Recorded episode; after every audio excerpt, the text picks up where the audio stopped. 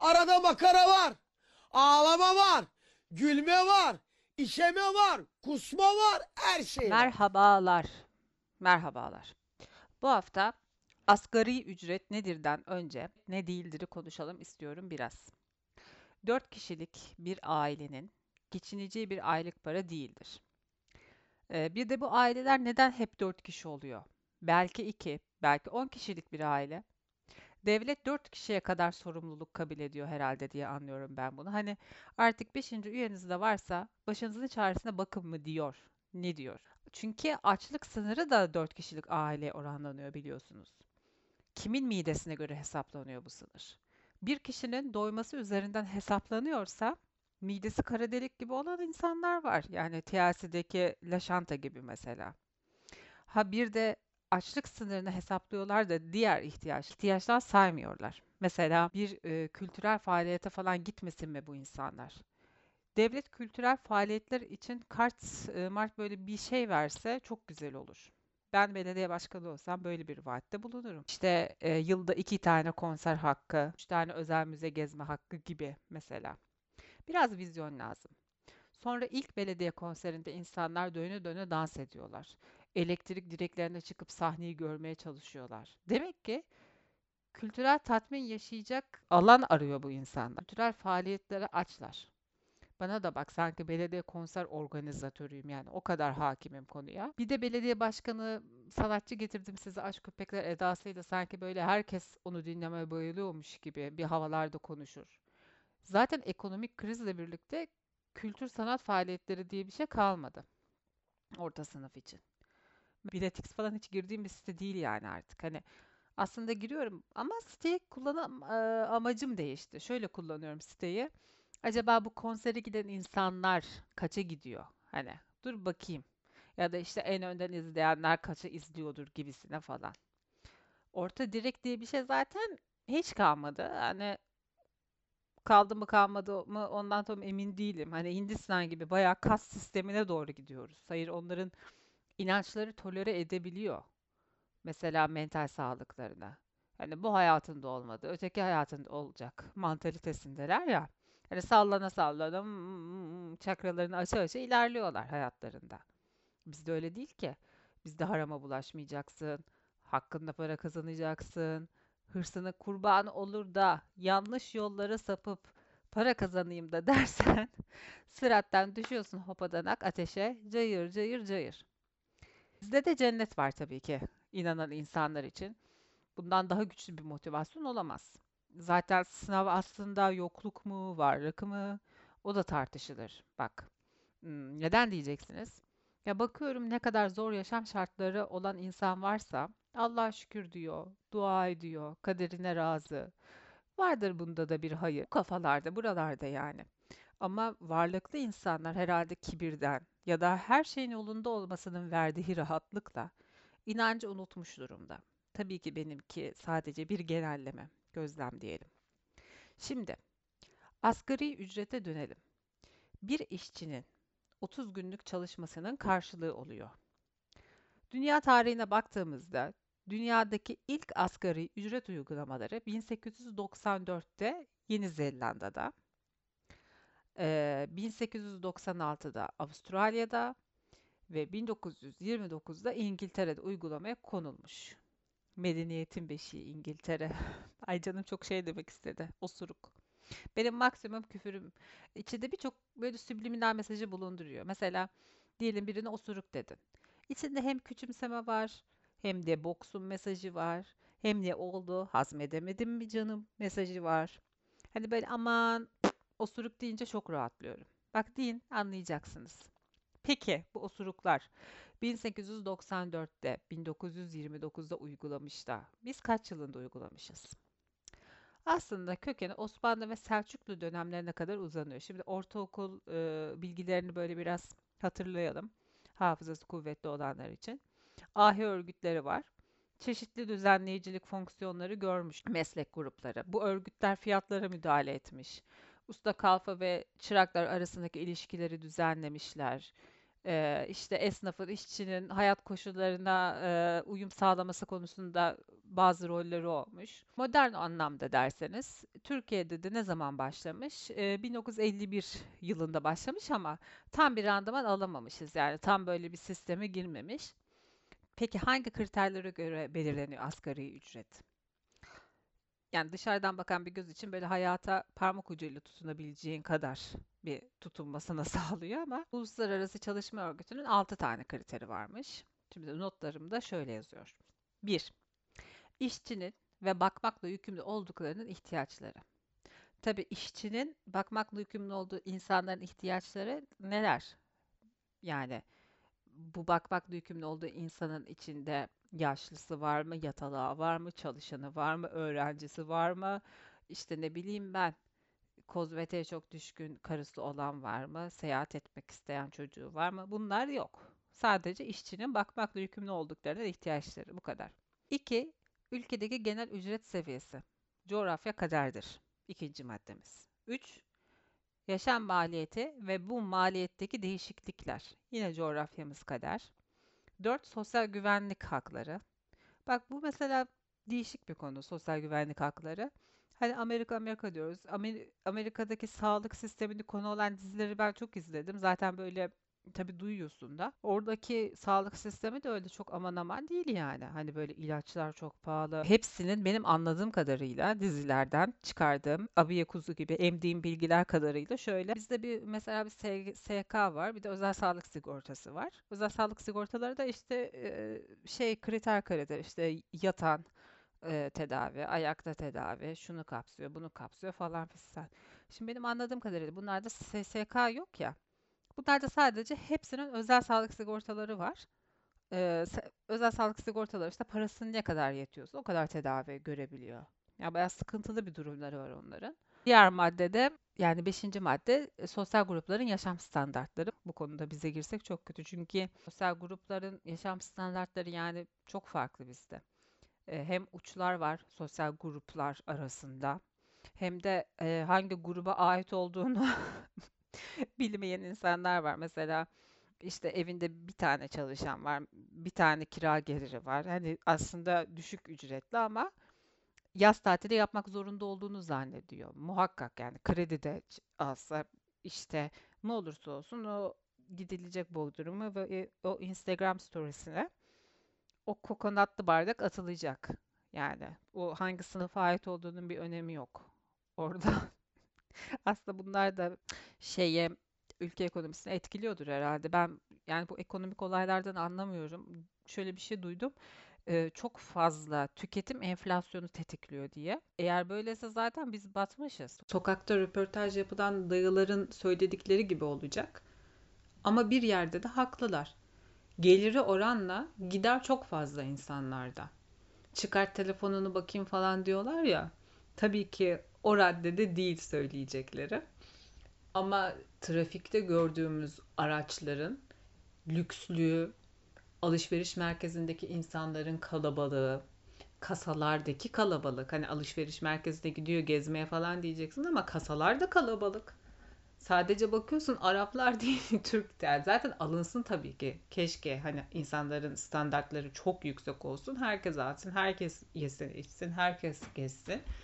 Ama problem insanların standartları yüksek değil ama harcamaları yüksek. İşte bu sefer de kredi mi alıyorlar artık bilmiyorum. Çünkü bakıyorum yani bunun geliri bu kadar olamaz. Harcaması çok fazla, harcaması çok yüksek. E, bu sefer tabii ki gelir gider de bir dengesizlik oluyor yani olmamasının imkanı yok zaten. Ekonomik faktörler 6. maddede işte ekonomik gelişmenin gereksinimleri, verimlilik düzeyi falan fistan. Şimdi size ilginç bir bilgi vereyim. Bu bilgiyi emin satarsınız bir yerlerde belki. Avrupa Birliği'nin en yüksek nüfusuna ve en büyük ekonomisine sahip olan Almanya'da asgari ücret uygulaması 2015 tarihi itibariyle başlamış. Küreselleşme sürecinin büyük mucizesi Çin'de. Yani şu Çin'e de yani uyuz oluyorum. Nasıl bu kadar güçlü ekonomisi var? Hiç hayra alamet değil Çin'in bu kadar e, güçlenmesi. Şimdi siyasete girmeyelim ama keşke güçlenmese. Çin'de de asgari ücret belirlenirken her bölge kendi ekonomik durumuna göre bir sınır belirlemiş.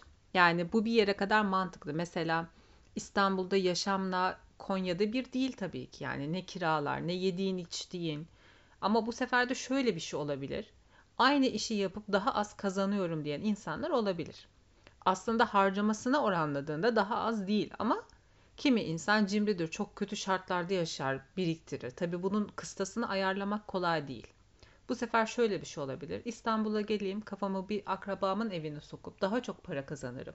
Birikim yaparım diyenler olabilir falan. Aman Allah korusun. Bir tane daha insan kaldıracak durumu kalmadı İstanbul'un. Korkunç vaziyette.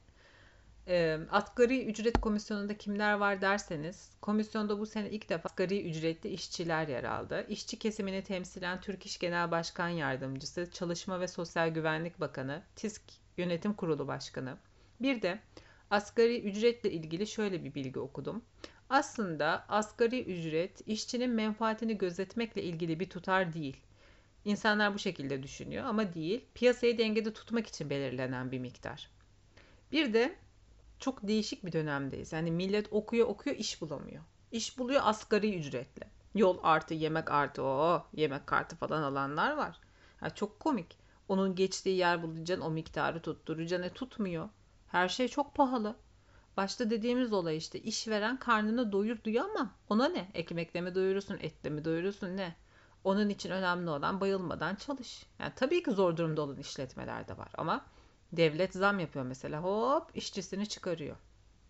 Hayır benim başıma geldiğinden değil de yani bir arkadaşın başına geldi de ondan diyorum. Ya bu bir arkadaşın başına geldi diye sorulan sorular da çok tehlikeli bak.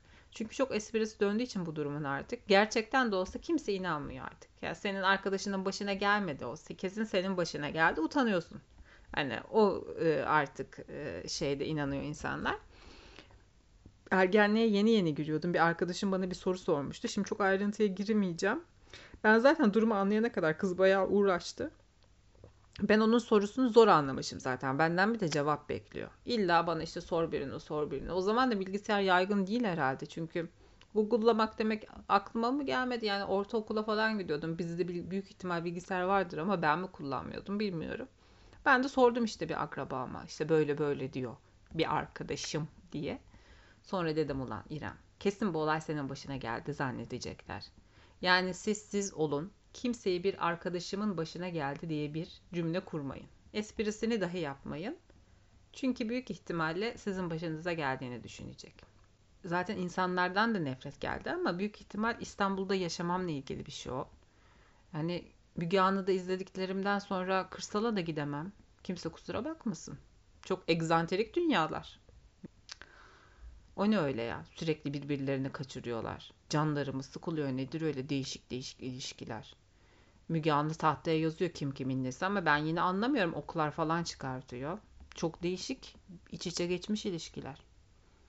Hiçbiri de çalışmıyor mesela onların. Nasıl, ne yiyorlar ne içiyorlar köyde bilmiyorum.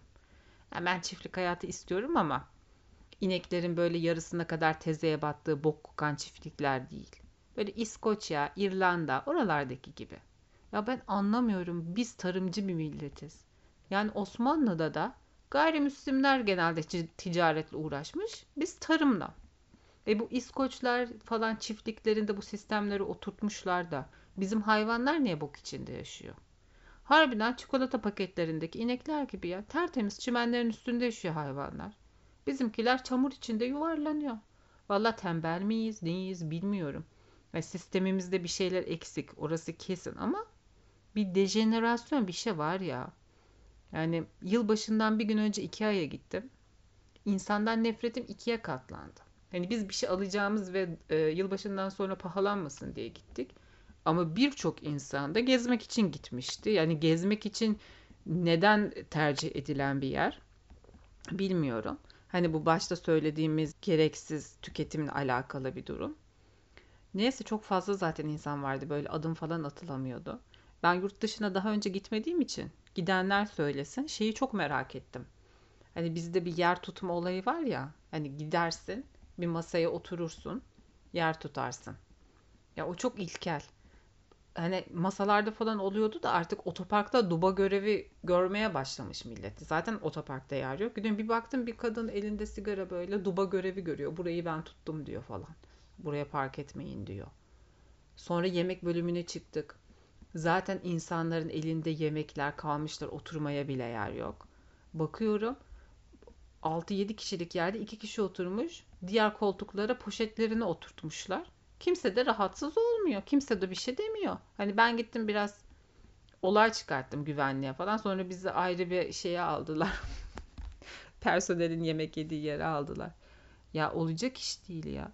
Gerçekten böyle yani bir, bir biz mi çakalız? Anlamıyorum. Yani bir düzen oturtamıyoruz ya. Sonra işte Japonlar başka bir dünyada yaşıyor. Çok saygılılar birbirlerine falan. Ya biz de aynı dünyada yaşıyoruz aslında. Biz de birbirimize saygılı olabiliriz. Saygılı olmak bu kadar zor bir şey değil yani. Ama işte yapacak bir şey yok. Başka memlekete gitsen o, o da sıkıntı zaten. Kafamda deli sorular. Torpilsiz güzel bir iş bulabilecek miyim? Hayallerimin peşinden gitsem onları gelir kaynağına dönüştürmeye gücüm yetecek mi? Yoksa yol artı, asla hesabı ödemeye yetmeyen yemek kartı artı, asgari ücretle işe mi gireceğim bilmiyorum. Yalnız değilim ama bana ne? Ha bir kişi boka batmış, ha bin kişi. Sonuçta ben batanlar arasında mıyım? Evet. Vallahi çok da düşünmeyeceksin. Bu sefer psikoloğa falan gitmen gerekiyor. Asgari ücret hesaplanırken bunları kimse hesaba katmıyor tabii. İşçi oturtana kadar o komisyona psikoloji olmuş, püsküz olmuş insanları oturtun. O seansların parası nasıl ödenecek? Bunları düşünen yok tabi. Boş verin en iyisi kadrolu Survivor yarışmacısı olacaksın. En garantisi. Ömür boyu. Yani bunun bir KPSS'si, MPSS'si bir şey olsa da çalışsak gizli bir tarikat olduklarından şüpheleniyorum valla. Giren çıkmıyor. Kendilerini Ameliyat alçıya aldırıyorlar. Kavga ediyorlar bilmem de yine katılıyorlar yine katılıyorlar. Yaşlanıyorlar bastonla yine katılıyorlar. Ya da TV yarışmalarına katılacağız. Yani başka yok. Olmaz. Bizim varoluşsal sancımızla kimse ilgilenmiyor. Hard kapitalizm, hard. Hard kapitalizmde yaşadığımızı unutmayın. Ülke olarak büyük bir buhranın içindeyiz. Böyle kimse normal değil. Kimse herkes kendini normal zannediyor. Herkes bir başkasının normal olmadığını falan düşünüyor. Ama aslında gerçekten kimse normal değil. Biz yine normal kalmaya çalışanlardan olalım da en azından psikolojimizi sağlam tutalım. Kendinize bakabildiğiniz kadar iyi bakın.